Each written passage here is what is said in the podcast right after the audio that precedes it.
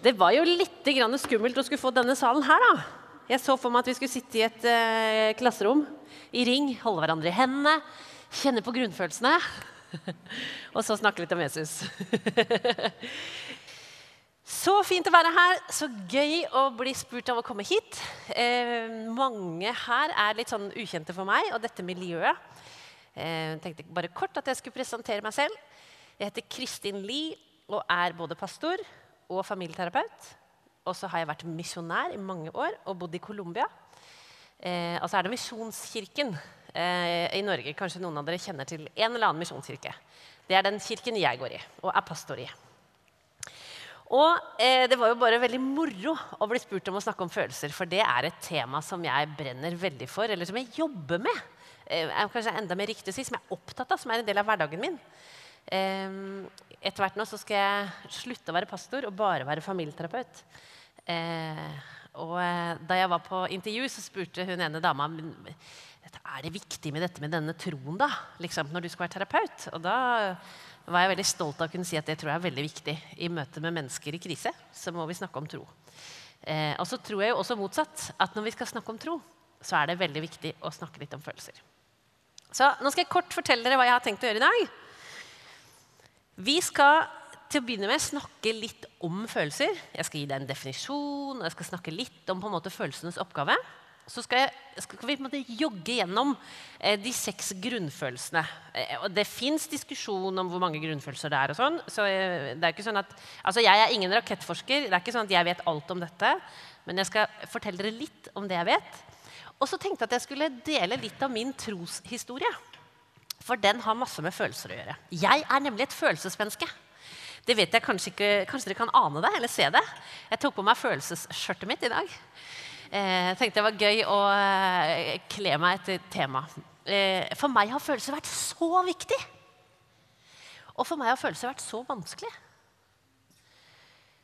Og så har det vært noen, sånn, på en måte noen øyeblikk og noen sånne opplevelser som har vært veldig viktige for min tro og den veien som troen på en måte går på. Da, eller som det å tro på Jesus er.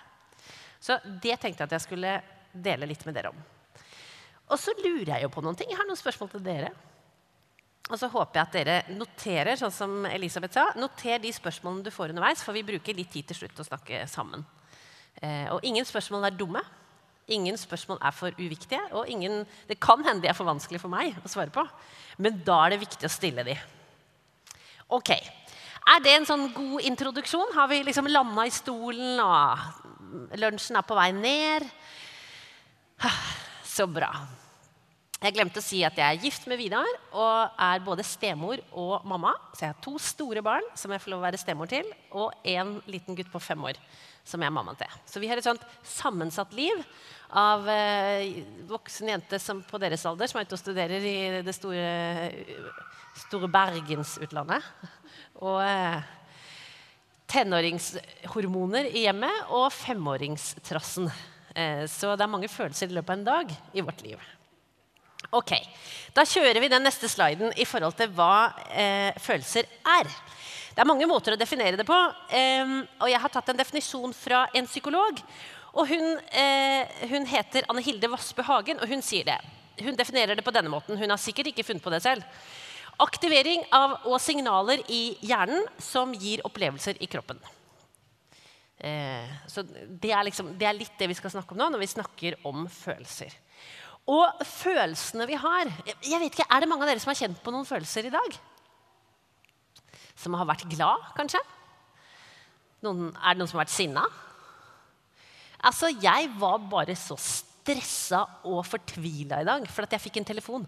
'Kristin, og så var Det sånn her, det ser ut som det har skjedd en misforståelse med noe greier, og noen som skal komme og gjøre noe. Og så, er, og så, var jeg midt, jeg var senter av den misforståelsen. Og da gikk det kaldt og varmt gjennom kroppen min, og jeg kjente at hjertet slo. Og det var masse sånn fysiologiske reaksjoner på en beskjed. Sant? Det hadde noen av de signalene som går fra hjernen og ut i kroppen.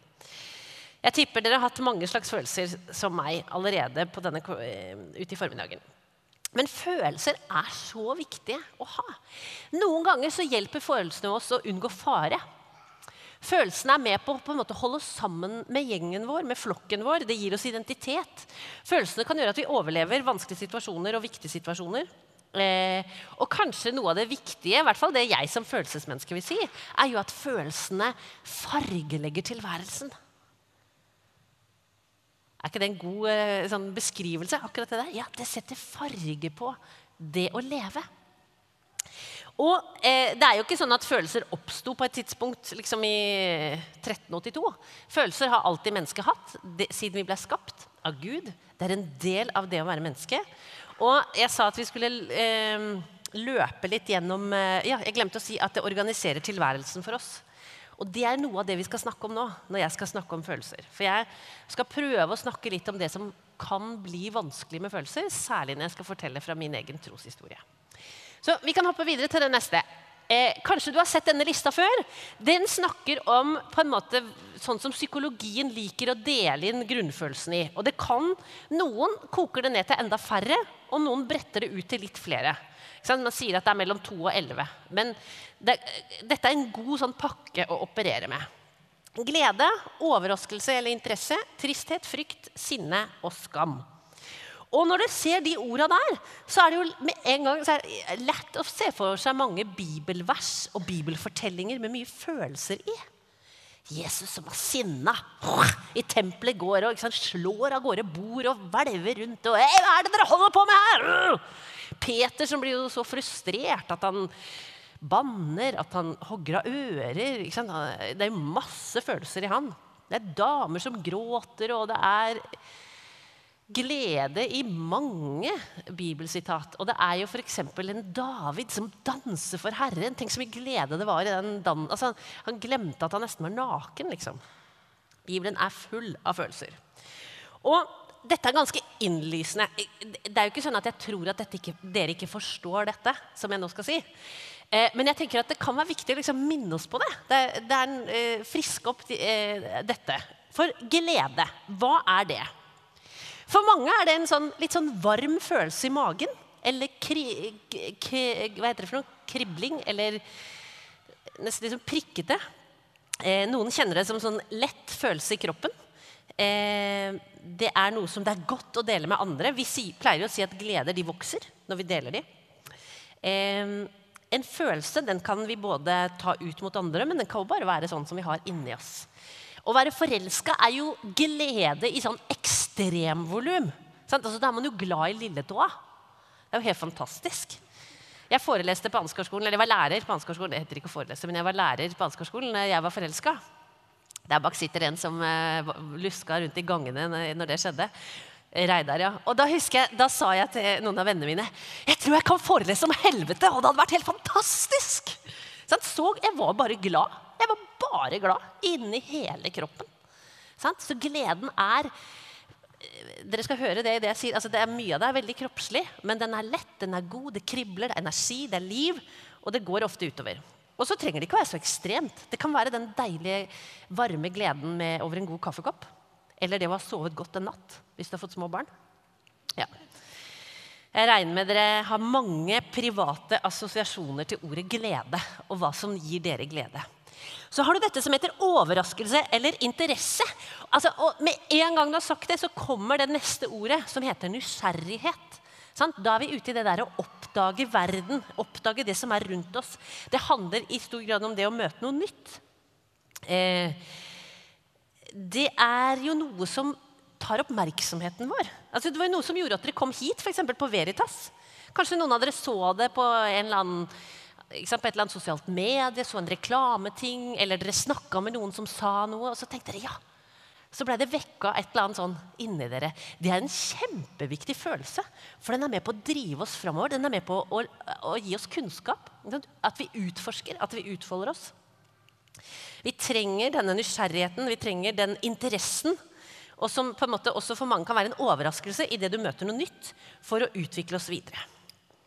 Og så er det jo flere av følelsene her som er mer i det litt sånn kjipere segmentet. Men eh, de er ikke uviktige for det. De er veldig viktige. Det er denne følelsen som heter å være trist. Og den er veldig motsetningsfull til gleden. Eh, tristheten er ofte veldig sånn tung. Den kan også sitte i magen, men den kan sitte i enda flere deler av kroppen. Den er mye mer energiløs. Eh, den eh, kommer jo veldig ofte når vi mennesker mister noe. Når noe har gått tapt. Når det er noe som har blitt borte. Som, som du hadde, eller som var viktig for deg. Eh, og hva trenger vi når vi er triste? Da trenger vi trøst. Og heldigvis så fins det mange mennesker som kan trøste oss. Men det er faktisk også sånn at det er viktig at vi selv kan være en kilde til å gi oss trøst. Og det er i psykologikretsene nå veldig populært å, å ta inn dette begrepet som heter selvmedfølelse. Det er faktisk en veldig viktig egenskap eller evne å ha til seg selv. Ikke som noe dumt. Det hender jo, eh, det hender jo at man tenker at liksom, nå skal jeg ikke være så egoistisk. Eller, Men det å ha selvmedfølelse og føle med seg selv er kjempeviktig. Og det er noe av det du trenger når du blir trist. Vi får det fra andre, men vi kan også gi det til oss selv. Og akkurat som vi sier at gleder vokser når vi deler dem, så sier vi også at tristheten blir litt mindre når vi deler den med noen andre. Eh, så har vi dette som heter frykt, eller det å være redd. Det er en livsviktig følelse for å unngå fare. Rett i stad sa jeg at følelser er kjempeviktig for oss for å overleve. Og her kommer frykten inn. Frykt er jo en alarmreaksjon som kommer helt bakerst fra hjernebarken. og så overtar den hele signalsystemet i hjernen. Sånn at det du på en måte vanligvis kanskje vil kunne resonnere deg fram til, eller tenke på, eller huske på av kunnskap du har, det blir liksom isolert litt sånn til siden. Og så er det alarmen som virker. Og da er det tre ting som pleier å skje med oss mennesker. Husker du det? Tre f-er. Fight, fly og freeze. Som regel er det jo det vi gjør. ikke sant? Vi fryser helt. Jeg hadde en sånn opplevelse. En stein kom rullende mot sønnen min. Og jeg skulle jo ønske jeg var sånn supermamma som bare løp fortere enn steinen. Fant muskler jeg ikke har, rullet steinen av gårde, og han slapp unna. Det gjorde jo ikke det. Jeg sto helt stille, helt lamma. Det var akkurat som noen hadde liksom bora meg fast i underlaget.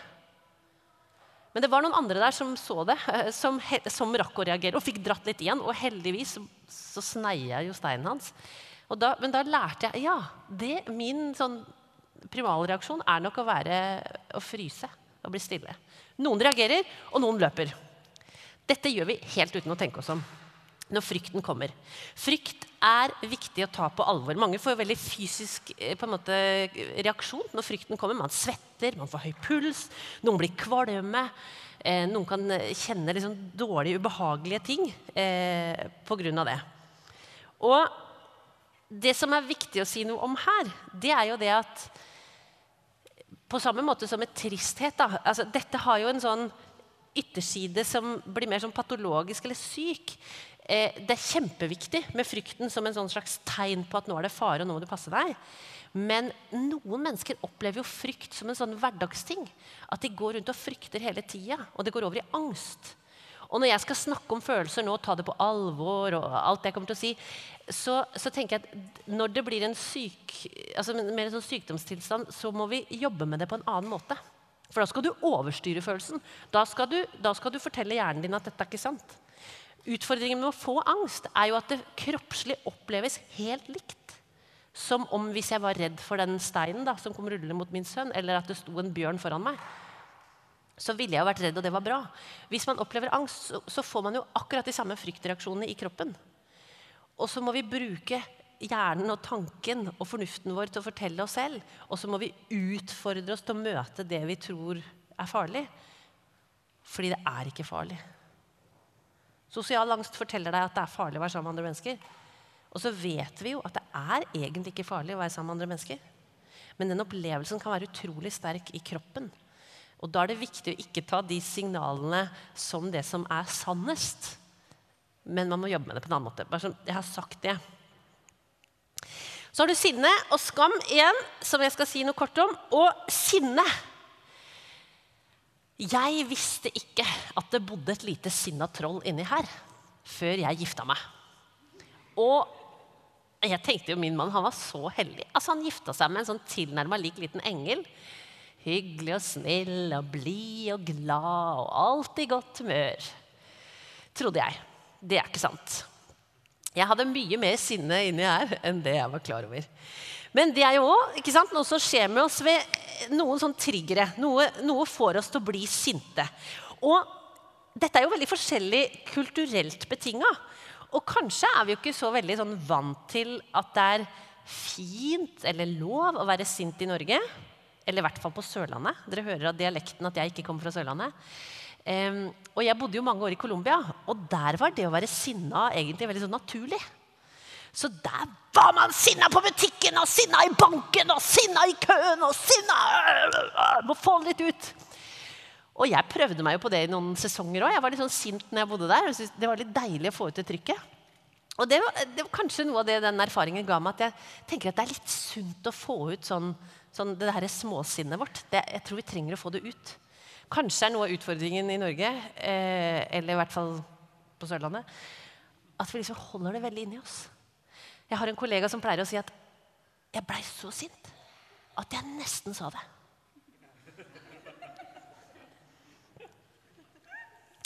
Men sinne er viktig fordi det får oss til å handle. Det får oss til å agere. Noen blir sinte når det er urettferdighet ikke sant, som skjer. Eller når det er eh, man tenker, altså, Det er jo ofte verdier som står i spill. Og så får sinnet oss til å reagere og agere. Og det er veldig, veldig bra. Og så vet vi at det står i Bibelen bli sint, men synd ikke. Så det at vi blir sint, gir oss jo ikke lov til å slå men det gir oss lov til å si fra. Og det siste jeg skal bare da si kort om disse seks grunnfølelsene, det er skam. Og det er et annet seminar her som handler om skam. Skam er jo et tema i seg selv. Det er kjempestort. Skam er kanskje en følelse vi ikke snakker så mye om. Men det er en god side med skammen, akkurat som det er en god side med alle de andre følelsene. Sinne det er bra, det får oss til å reagere, får oss til å handle. Skammen får oss til å beskytte oss litt fra å gjøre flaue og dumme ting. Det er veldig bra at jeg har kledd på meg tøy når jeg står her foran dere, at jeg ikke er naken. Det ville vært forferdelig kleint. Og alle mennesker har sånne helt naturlige beskyttelsesideer inni oss som er bra. Passer på oss, beskytter oss, holder oss innafor grensene. Men så er det også noe med skammen som er veldig destruktivt. For skam er en følelse Vi pleier å snakke om den som det er en følelse som er veldig global. Den, den på en måte tar plass i hele kroppen og i hele systemet vårt.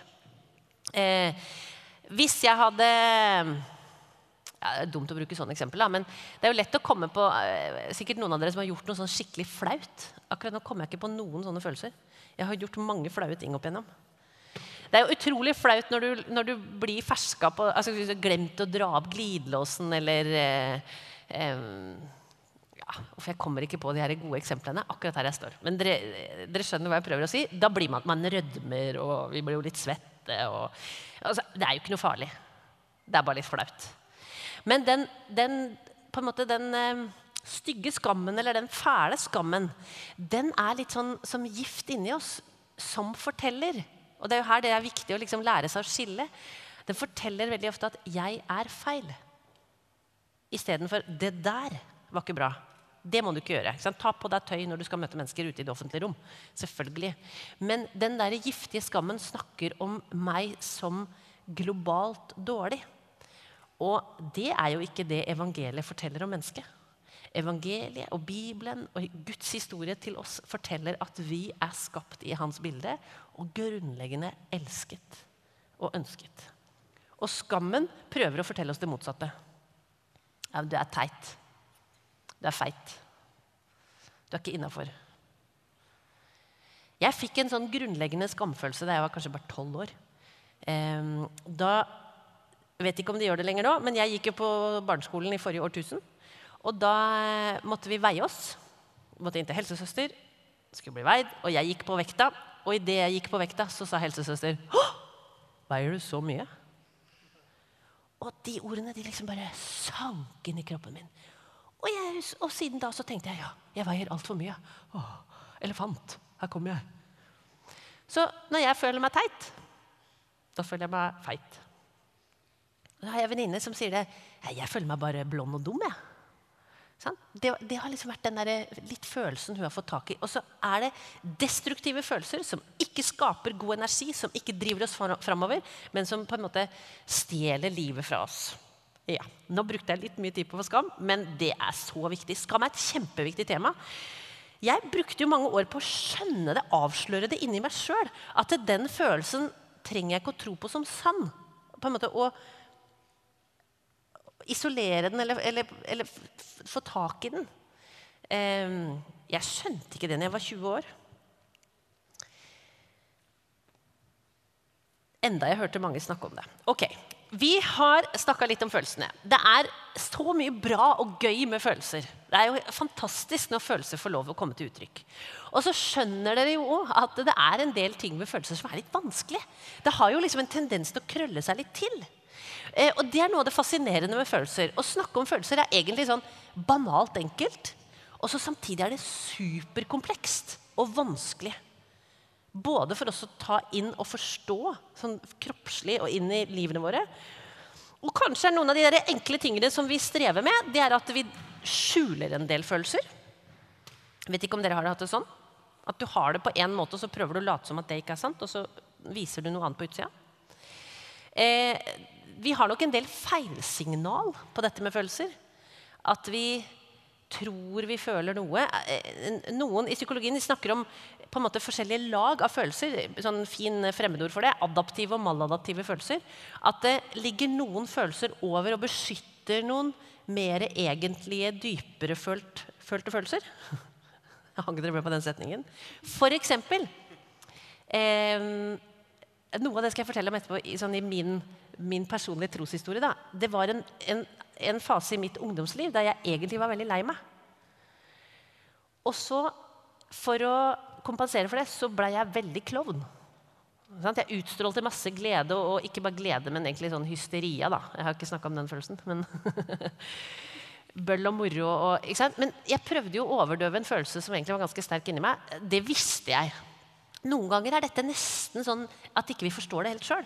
At jeg egentlig er redd, men så blir jeg sint. Som en sånn Jeg prøver å beskytte den frykten. Dette tar det tid å jobbe med når man skal finne ut av for seg selv. Ok. Noen ganger så tenker jeg at en av dette, eh, en av disse tingene som kan bli utfordrende i forhold til følelser, det er det at vi lærer om at noen følelser er mer ok og ålreite enn andre. Dette lærer vi hjemme hos foreldrene våre i oppdragelsen vår. Dette lærer vi i de miljøene og gruppene og kulturene vi er en del av. Um, og kanskje litt sånn der i, i samfunnet overordna. Hva, hva er greia? Når jeg jobber som familieterapeut, så jobber vi dag etter dag etter dag etter dag med å snakke med mammaer og pappaer om hvordan de kan tåle å være sammen med sine barn i de følelsene som de barna har. Eh, og jeg tror at det, eh, noe av det som jeg har lært i det arbeidet, det er en nøkkel til å egentlig forstå mye viktig i livet. Når barn blir født, så snakker de ikke. Men de har masse følelser, og de uttrykker seg veldig tydelig. Når de ikke er komfortable, når det er noe de mangler, når det er noe de trenger, når det er noe de leiter etter, så sier de jo fra. Aah! roper de. Og jeg var sånn mamma som, jeg hørte en del som sier at, eh, og, jeg hører forskjell når han har bæsja, når han tissa, når han er sulten, når han er trøtt.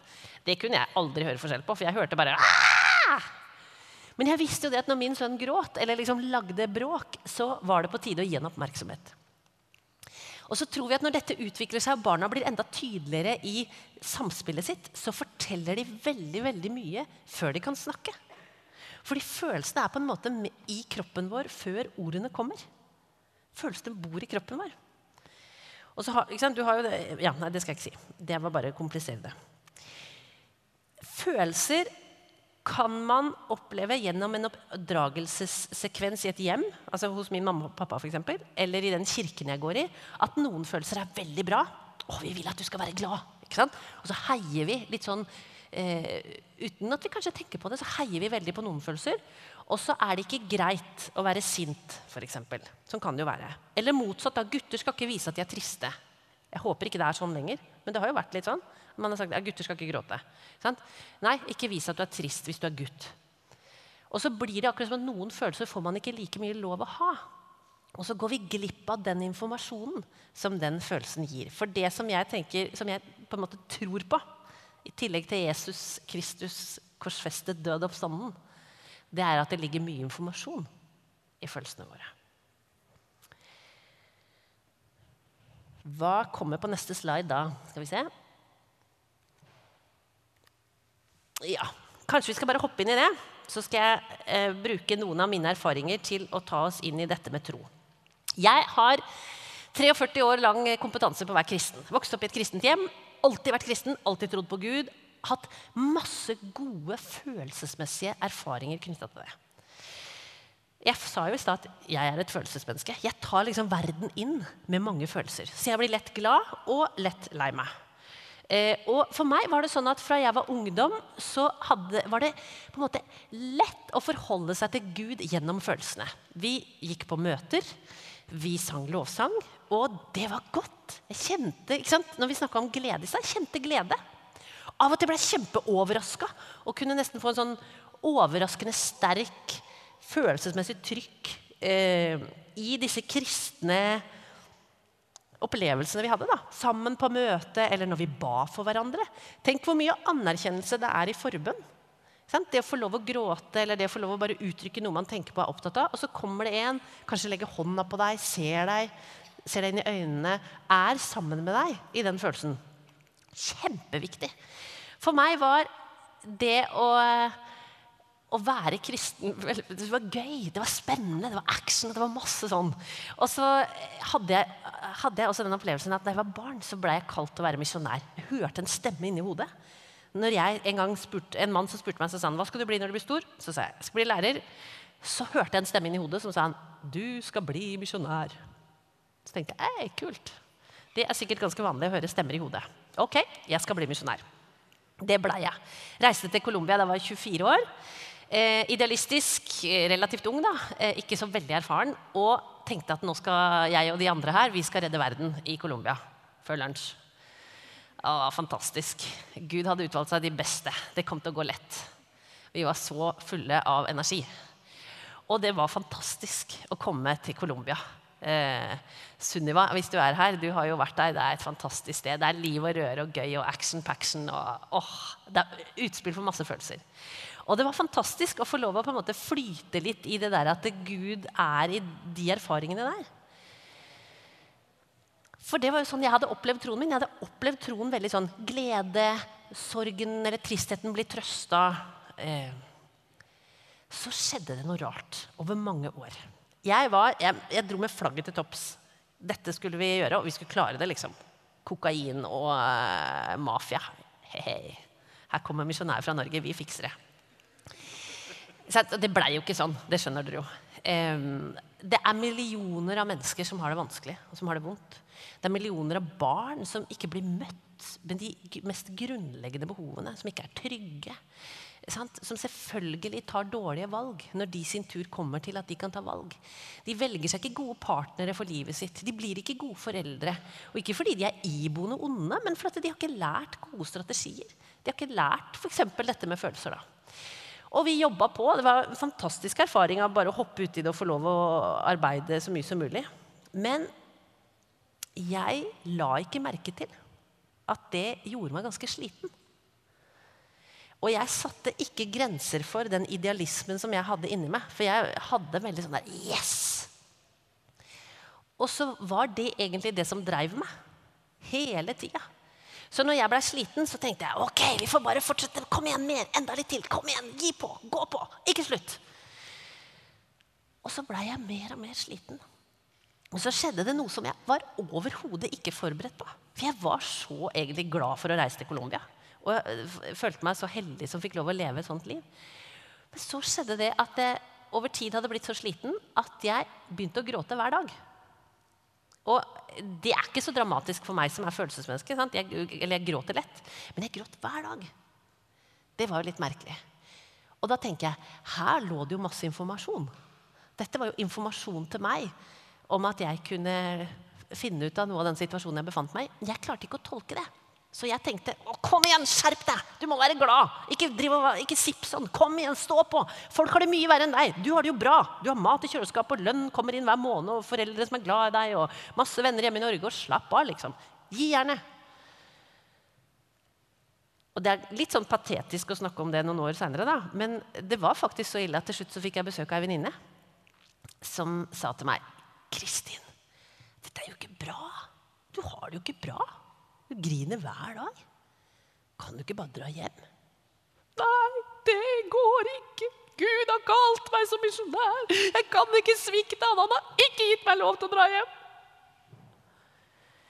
Og det må jo all, med respekt for Gud si at det var jo ikke Gud som hadde på en måte sagt dette, men mine idealer og min idealisme hadde jo fortalt meg det. Mens mine tårer og min utslitthet prøvde å fortelle meg noe annet. Sant? Det var informasjon i kroppen min. Jeg klarte ikke å ta den. Da viste det seg jo at jeg hadde en veldig kul venninne. Så hun sa ha, ha, ha. Skjerp deg. Jeg er en engel sendt fra Gud, og nå forteller jeg til deg dra hjem. Og det er jo til å le av. Mens jeg måtte da ha det inn med teskje. For jeg skjønte ikke at det på en måte var lov å tenke annerledes. Jeg tenkte at kanskje Gud måtte liksom bare trøste meg enda sterkere eller overdøve meg med enda sterkere følelser. Og det førte jo til at når jeg kom hjem, og jeg har vært hjemme i en eh, niårsperiode, så var jo følelseslivet mitt veldig sånn lamma. Fordi jeg egentlig hadde gått på kompromiss med det følelseslivet veldig lenge. Over lang tid. Det var følelser som prøvde å gi meg viktig informasjon. Eh, også i forhold til min relasjon til Gud. Men jeg tenkte jeg må bare ta meg sammen og stå på og gi jernet og, være god. liksom. For det står jo også i Bibelen. Og så klarte jeg ikke å egentlig tenke fornuftig. Og når jeg da kom tilbake, så var det jo sånn at jeg som tidligere har hatt utrolig mange sterke følelsesmessige erfaringer med Gud. Jeg har ikke hatt det siden. Gud er ikke i følelsene mine. Jeg blir verken veldig glad eller begeistra eller Jeg er fortsatt både trist og redd og sint, da, men ikke når jeg kommer på møte. Og så var det, eh, når jeg ble invitert til å komme hit, så var det en veldig sånn fin anledning til å reflektere litt over det at hmm, Mon tro om det er noe av den skaden vi mennesker også kan gi oss selv når vi ikke tar våre følelser på alvor. Så, så er det også begrensa hvor lenge på en måte altså, vi, Det er veldig uklokt å ikke ta følelsene våre på alvor. Og da jeg skulle komme hit i dag, så tenkte jeg det er egentlig to veldig enkle ting jeg har lyst til å si til oss. For jeg sier det like mye til meg sjøl. Dette er liksom kunnskap jeg har fått eh, gjennom bitre erfaringer. Og det er ta for all del følelsene dine på alvor. Det er masse informasjon i følelsene. Av og til er det litt vanskelig å forstå dem. Av og til tar det litt tid. Av og til må vi avkode det eller jeg tenker, jeg tenker, noen ganger nesten at det er som en sånn liten rød tråd som vi kan få lov å begynne å nøste i, og så finne ut av, bore oss litt inn i. Det er det ene. Og så er det andre. Men tro for all del ikke at det bare er følelser som er sant. Det som kan bli en utfordring når man får sånne erfaringer som meg, det er at Gud plutselig ikke er virkelig lenger, når han ikke snakker gjennom de samme gamle kanalene. For meg hadde Gud vært veldig mye i følelseslivet. Jeg har jo vært, jeg var tenker jeg, for det første litt heldig. Jeg gikk i et kristent miljø hvor det var lov med følelser. Det er veldig forskjellig. Noen har erfaringer fra å gå i kristne forsamlinger der på en måte vi tar på oss en sånn ikke veldig følelsesdrakt når vi går inn på bedehuset eller inn i kirka. Da er vi litt alvorlige, litt stille, litt andektige. Og det er masse fint med det. Men det er òg veldig fint å få lov å leve ut følelsene sine i troslivet. På den andre siden så er det viktig at ikke troen min og min og på en måte opplevelse av Gud og det, mine statements om Gud kun er tufta på hva mine følelser forteller meg om Gud. For det er en høyst upålitelig kilde til å skulle leve på. Så hvis dere klarer å høre på en måte tosidigheten i det jeg sier, da, så tenker jeg at det er utrolig viktig med følelser. Og i kristne sammenhenger så kan det hende at vi har neglisjert i hvert fall noen av de. Det har kanskje ikke vært like mye lov til å være sint. Har, vi har helst skullet være glade. Hva for noe tull er det? Det er jo ikke sånn at mennesker alltid er glade. Det må være lov å ikke være glad. Og det må jo ikke være sånn at vi skal være glade fordi vi går inn i en kirke. Men det skal jo virkelig være plass til gleden. Tenk å kunne få lov å ha et sted hvor livene våre hører hjemme. Eh, og en endestasjon hvor vi tenker at vi skal få lov å være med Gud i evigheten. Det er jo grunn til å være glad det på en regnværsdag. Så det er den ene siden. Og den andre siden er at det er jo noe mer. Det er jo noe som er sterkere og mer håndfast enn de variablene som på en måte kan være inni min kropp.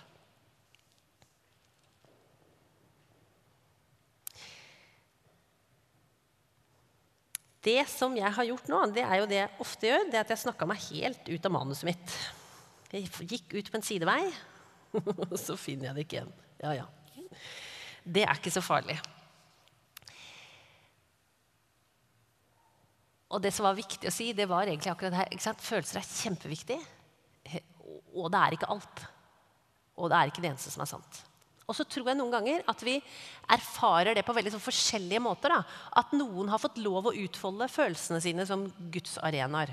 Eh, og, og, at det er så bra. Jeg heier på det. Altså, la Gud få lov å berøre deg i følelsene.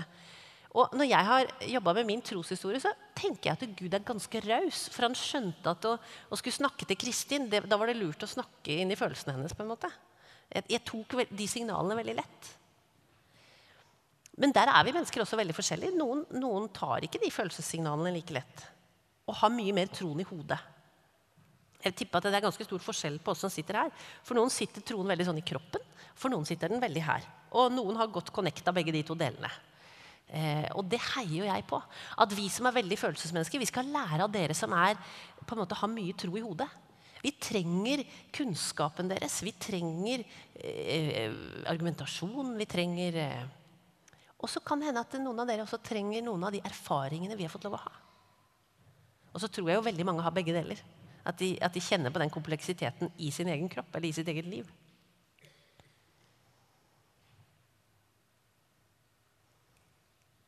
Kanskje vi bare skal ta noen spørsmål? Så kan dere lede meg videre i forhold til hva dere tenker som er viktig om dette.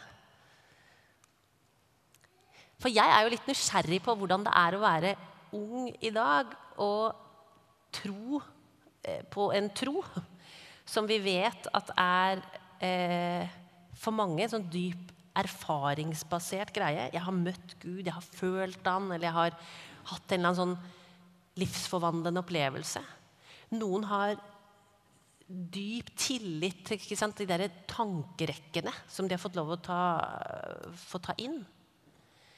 Og så, Jeg er jo ikke ungdom i dag. Jeg vet ikke hvordan det er å leve i 2017 og være midt i den der fasen at du skal finne ut av hvem du er, og, og hva slags stemmer som samfunnet på en måte pøser dere på. da. Jeg hadde skrevet eh, et spørsmål etterpå, og jeg vet ikke i hvor stor grad dere kjenner dere igjen i Når vi liker å kalle dere for eh, Generasjon prestasjon eller Prosjekt perfekt. Eh, og jeg vet ikke om, om, måte, om det er et begrep eller to begrep dere kjenner dere igjen i. Men jeg blir jo veldig nysgjerrig på hvordan er det, hvis det er litt sant, da, hvordan er det å skulle få plass til hele seg inni troen, eller få plass til troen inni hele det konseptet der, liksom? Jeg er nysgjerrig på hva er det som frustrerer dere, hva er det, hva er det som er vanskelig? Og hva er det som er bra? Det kan hende at noen ting er lettere for dere enn det var for oss. Og så kan det hende at det er veldig likt. Jeg vokste opp i en klasse der det bare var jeg som var kristen, og jeg syntes det var litt flaut å være kristen. Det var ikke sånn at jeg tenkte 'hallo'. Og så bor jeg i Kristiansand, og der er jo annethvert hus går i kjerka. Liksom. Det er veldig forskjell. Så dette handler jo om uh, veldig mange små og store ting. Er det noen som har noen spørsmål? Er det noen som har lyst til å spørre om noe? Ja, fint. Tror du alle følelser er sanne eller har en god hensikt? Å, det var et bra spørsmål. Hva heter du? Sondre? Så bra. Flott spørsmål. For det handler litt om det derre å dekode noe av det. Jeg tror Når jeg skal som terapeut jobbe med følelser, så tror vi ikke at følelser ikke er sanne i den forstand at ikke de er ekte opplevd. Altså Hvis noen er, på en måte sier at jeg er sint, så tror jeg at de er sinte. Jeg tror på det. Men hvis, når vi jobber mer med følelser, så tror jeg jo at vi oppdager noen ganger det at det var litt det jeg snakka om i stad. Av og til så er det noen følelser som dekker over noen andre følelser. Eller det er noen følelser som oppleves som veldig sterke, og de beskytter noe viktig. For eksempel. av og til så kan sinne beskytte noe som er viktig. Det kan beskytte en verdi. For eksempel. så det er jo egentlig et vanskelig spørsmål å bare si ja eller nei på. Eh, for jeg tror at vi kan måtte oppleve å liksom dekode noen sånne følelsesopplevelser i vår eget liv. Eller at en følelse kan gi oss viktig informasjon om noe mer. Var det et slags svar? Ja. For meg var det en viktig, viktig erfaring etter dette som jeg fortalte dere om sånn, både å bli utbrent og ikke forstå meg selv og ikke ta mine egne følelser på alvor, og komme hjem til Norge, og så var det helt sånn følelsestomt. Og så var jeg på retreat og hadde Jesus-meditasjon. Har noen av dere vært med på det? Ingen? Jesus-meditasjon, det må dere prøve. Det er fantastisk. Det er utrolig enkelt. Du finner en bibel, du finner en bibeltekst, du leser den sakte, mange ganger, enda flere ganger. Sørge for at det er stille rundt deg, ikke masse inntrykk, ingenting du skal, ikke stress. Sett på alarmen ikke sant, så ikke du skal tenke på tida. Og så skal du leve deg inn i bibelteksten. Som om du var der, var en av de, eller som om du sto på utsida og kikka inn i den scenen. Og i en sånn Jesus-meditasjon så skulle vi meditere over den kjente teksten fra Matteus 8, der Jesus og disiplene er ute på vannet. De har en lang dag bak seg. Det har skjedd masse. Og så tar Jesus med de ut, og så legger han seg til å sove, og så blåser det opp til storm.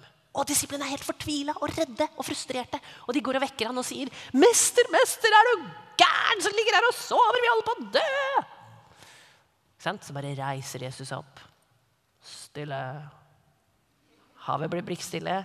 Så snur han seg til disiplene og så sier han, uh -uh. Det er bare fem korte vers, og jeg leste den teksten kanskje en halvtime. Levde meg inn i det, så det for meg. Så skjedde det noe med følelsene mine. Apropos spørsmålet ditt. Så opplevde jeg at det å få lov å leve seg inn i den teksten tok meg med i min egen sånn opplevelse av Gud og meg. For jeg hadde jo reist ut i tjeneste for Gud langt på den andre sida av jordkloden. Skulle redde verden, skulle være snill og god. Og så blåste det opp til storm. Og hva var det som skjedde? Jesus lå i båten og sov. Og Det var sånn jeg på en måte hadde erfart i mitt liv. At når det blåste som verst, så var det ikke sånn at Jesus sa 'Kristin, kom her, du må dra hjem. Du er sliten, nå. hør på meg, lille venn'. Det kan det hende han prøvde å si meg, men jeg hørte det ikke. Så det som skjedde når jeg hadde den Jesus-meditasjonen, det var at jeg blei så sinna jeg blei skikkelig sånn furten fjertunge, altså. Så jeg tok på meg gummistøvler, trampa ut en lang tur, fant et kapell. For dette var jo på sånn retreatsted med masse kapeller. Gikk inn der, låste døra, sett, satt meg ned, skrev bønnelapper på bønnelapper. La opp i en krukke, og på de bønnelappene sto det ikke fine ting. Jeg var ordentlig pissed. Men det var fantastisk. For jeg fikk lov å knytte meg til min egen fortelling med Jesus igjen. For det siste jeg på en måte hadde erfart med Jesus, det var akkurat som at han lå og sov i båten min mens jeg var ute og rodde på opprørt hav. Og så fikk jeg lov å på en måte riste kanskje like mye meg som han våken. Fordi det var ikke noe godt sted å være. Tror, og I sånne opplevelser så tenker jeg følelser er kjempeviktig. Følelser kan gi oss informasjon. Og da er det ikke så egentlig vesentlig om de er rette eller gale. Det er mye informasjon i dem. Og det er viktig å ta det på alvor. Og det var kanskje ikke det du mente med rett og galt, da, men uh, Det var det som dukka opp i hodet mitt. Er det noen andre som har noen spørsmål? Eller bare tenke på noe, bli opptatt av noe? Eller syns noe er rart eller vanskelig, eller Ja?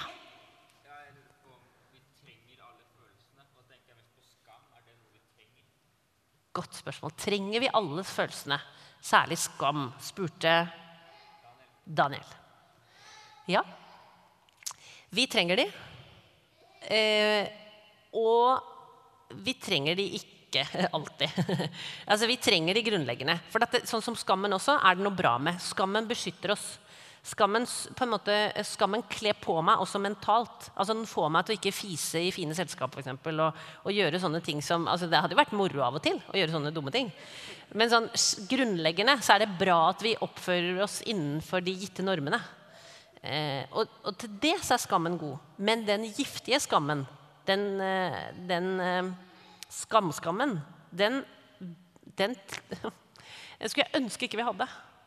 Men dessverre så har nok de fleste mennesker litt sånn skam.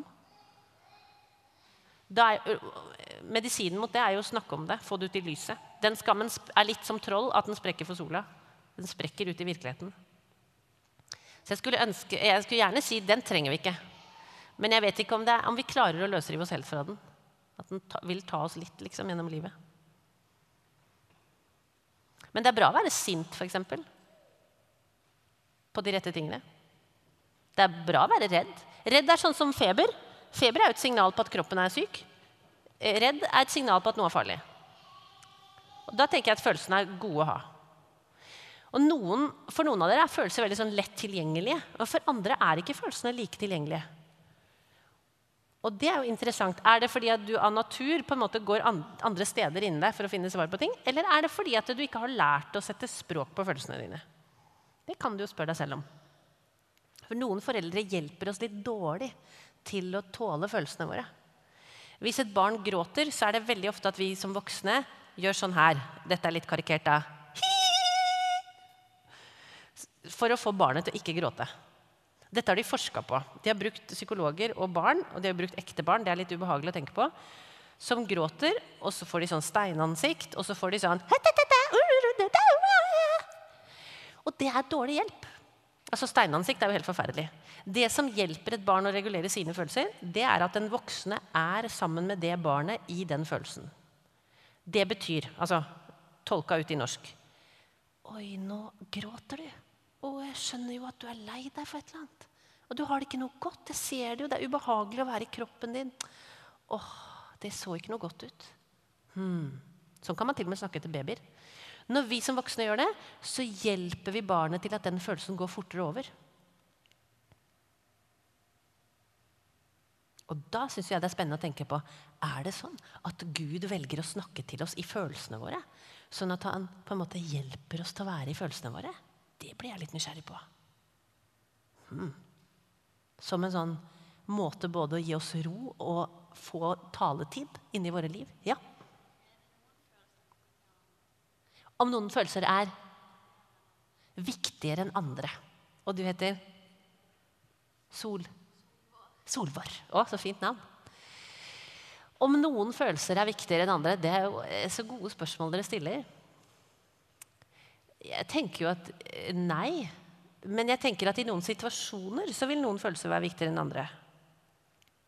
Og kanskje på en måte være de som først får kontakt med, med det som skjer. da.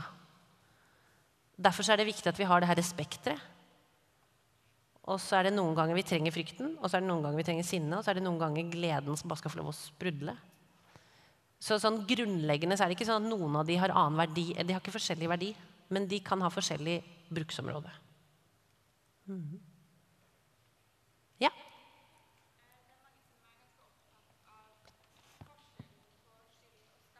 Ja. Veldig bra spørsmål. At er mange er opptatt av forskjellen på skyld og skam. Og hva man kan si om det. Og det, jo, eh, det, burde dere bare si at dette vil vi ha som seminar et nytt år. Eh, for dette er et kjempestort tema. Men sånn veldig kort fortalt så er det jo Jeg slår til noen. Det er min skyld at den har vondt. Og det er en skyld som på en måte som menneske det er greit å skulle bære. Eh, for det er min skyld at, at du har vondt da, hvis jeg slår til deg. Eh, og det er jo også sånn at Når vi da gjør alvorlig gale ting, så må vi sone for det. Enten ved å betale penger eller med å sitte i fengsel. Og de som har gjort det, opplever veldig mange også at det er en frigjøring å kunne få lov å betale for det du har gjort galt. Men det er isolert, avgrensa eh, og mye mer sånn faktisk. Utfordringen med skam er akkurat det der når jeg brukte det ordet at det er globalt at det er så generelt, og at det flytter inn i kroppen vår.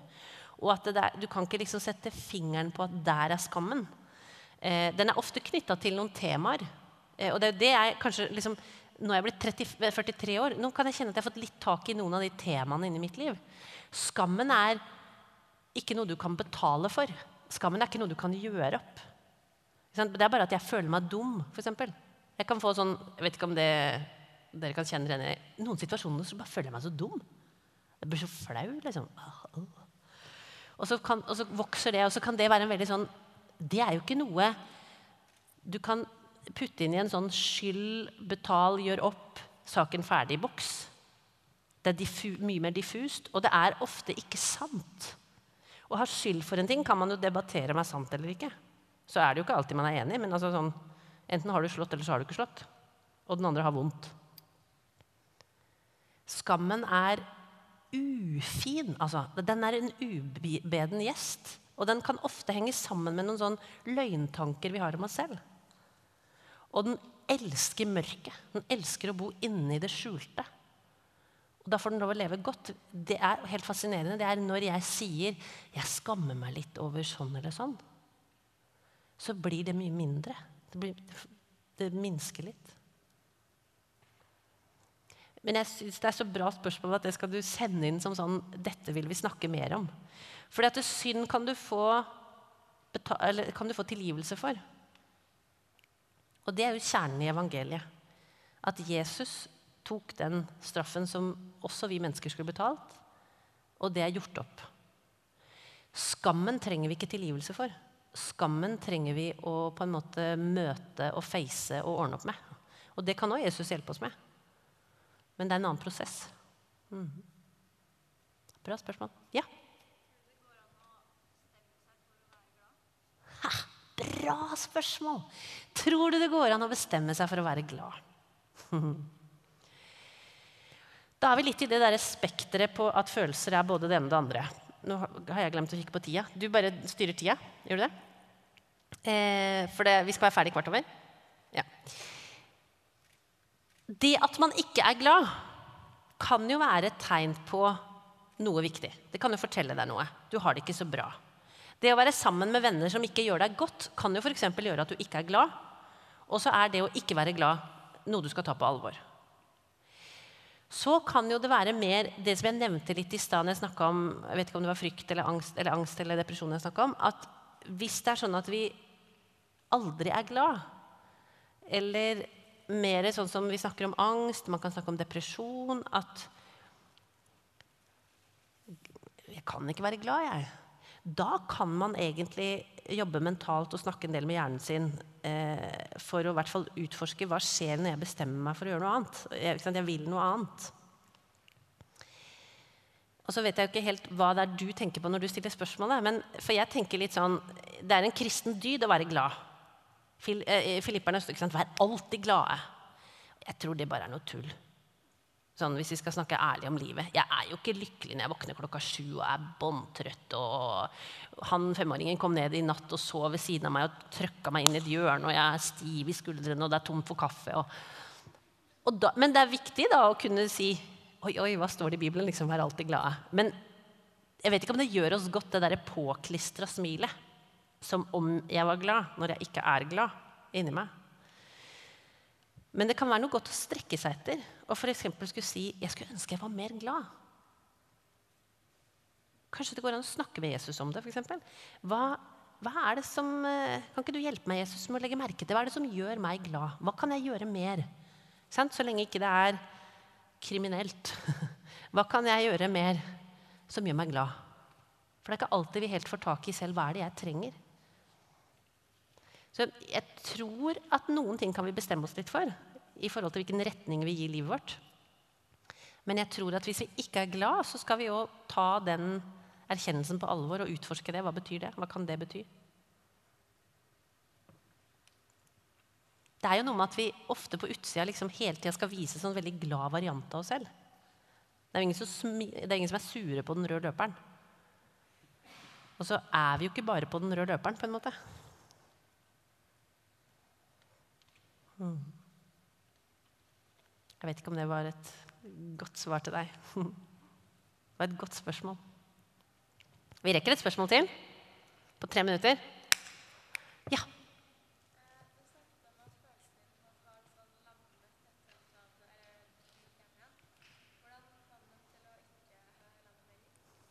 Åh, vi må ta en kaffe en gang i tre timer. At jeg snakka om at følelsene mine var sånn lamma etterpå. Og hvordan får man, får man de til å slutte å være lamma? Ja, det er de jo ikke helt ennå. Eh, så det vet jeg ikke helt.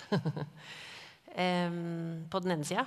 Eh, men det er mye som har forandra seg siden jeg kom hjem da. Jeg tenker at jeg var inne i en sånn, litt sånn utbrent kategori. Eh, og da er jo veldig mye veldig sånn, litt sånn dødt følelsesmessig. Mm. Jeg tror jo medisinen dessverre er det som veldig mange av oss har hørt ofte. Regelmessig søvn, god mat, ha relasjoner rundt deg som gjør deg godt, ikke for mye stress, det er fint å trene Altså alle disse tingene som gjør oss godt. Og jeg tenker jo, det å tro på Jesus er jo også en sånn fantastisk ressurs. Altså Det å ha menighet som sosialt fellesskap, det å ha kirke som noe å tilhøre, det å ha det som meningsfylt aktivitet i livet sitt. Jeg tror at troen er mye mer, mer, enn det, men det har jo en sånn ytre ting som kan være så viktig for oss i sånne litt lamma eh, faser. Og så tror jeg ikke alltid at det bare går over. Men jeg tror at vi venner oss til å leve litt annerledes òg. Hadde du et svar på det? Nei. for jeg var sånn at jeg nesten tenkte her sitter uh, fasiten. du hadde et annet spørsmål? Ja? Et oppfølgingsspørsmål. Da tar vi det som siste. Da får du siste spørsmålet.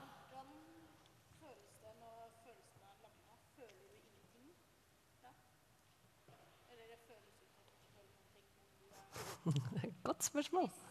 Mm. Mm. Nei, for dette, det, det, var kanskje noe av det rare. For jeg er jo vant til å ha mange følelser. Så jeg var jo like mye vant til å være lei meg som å være glad. Så det var ikke sånn at når jeg da var litt sånn eh, mer inne i det tomme rommet, at jeg var bare i det triste. Det var egentlig veldig sånn dødt. Altså sånn veldig ikke, ikke så mye. Ikke mye følelser. Jeg pleide å si at det nå kjennes eh, Jeg har syntes utrolig altså Jeg har jo timevis med lovsangsopplevelser på sånn kristne steder, møter, konferanser, leirer var helt fantastisk. Ikke sant? Altså, jeg blir følelsesmessig bygd opp etterpå. Jeg har syntes mange ganger det har vært fantastisk å lese i Bibelen og bare se Åh? Kjent det. Og så, Det jeg pleide å si når jeg kom hjem da, det, var, det er, det er egentlig at akkurat alt er som et tynt, tynt knekkebrød. Sprøtt og øh, tørt og kjedelig. Så følelsen er ikke sånn bare noen av de negative følelsene, men det er litt en sånn opplevelse av at det er, litt, det er veldig lite følelser. Og det var litt rart for meg.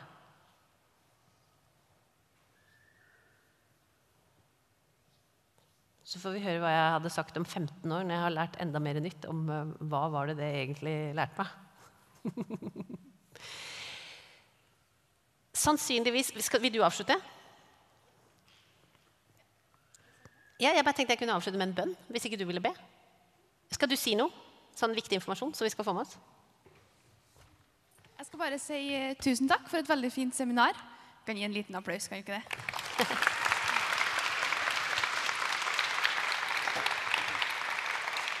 Nå blir det en uh, liten pause før det blir nye seminar etterpå. Jeg vil anbefale å bare få med dere så mange som mulig. Det var egentlig det jeg skulle si. Da ber vi bare en liten bønn. Jesus, Takk at du er her. Det er ganske utrolig. Ikke kan vi se deg, og noen kan føle deg, og noen føler deg overhodet ikke. Og så tror vi likevel at du er her, midt iblant oss. Og vi tror at du er i livene våre. Du kjenner oss, Jesus. Og jeg har lyst til å takke deg for alle de gode følelsene som vi mennesker får lov å ha. Takk for alle stunder med glede. Takk for alle som en gang i forrige uke var glade, Jesus.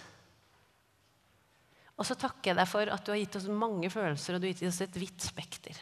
Og så ser du at For noen så er dette et veldig sånn kjent og trygt tema. For noen er det et vanskelig tema. Og noen har mange vanskelige følelser, Jesus. Jeg ber om at du skal også snakke til oss. Både inn i følelsene og utafor følelsene. Jeg ber om at du skal gi oss erfaringer av deg som lar oss få se at du er mye større enn oss. Det handler ikke om meg, men det handler om deg, Jesus. Jeg synes jeg har lyst til å be en velsignelsesbønn over denne ungdomsflokken som eh, står midt i livet. Som eh, tar valg, som skal finne ut av hvem de er, hvor de er på vei. Som kanskje har kjent deg lenge, eller noen har kjent deg kort tid. Jesus, du har sagt at du har gitt oss Den hellige ånd i hjertene våre, som lever sammen med oss. Og nå ber jeg om at vi hver og en skal få en dyp erfaring av at du, Hellige ånd, er vår veileder. Du snakker til oss, du hjelper oss til å forstå oss selv, du hjelper oss til å forstå livet. Og ikke minst så hjelper du oss til å forstå mysteriet Jesus, mysteriet frelsen, mysteriet troen. Takk for denne fine dagen. Selv om det regner ute, så kan vi tenke at vi er ved et sted hvor vi får mat og næring og lære og erfare mer. Jeg legger resten av dagen i dine hender. Amen. Da må dere kose dere videre i dagen.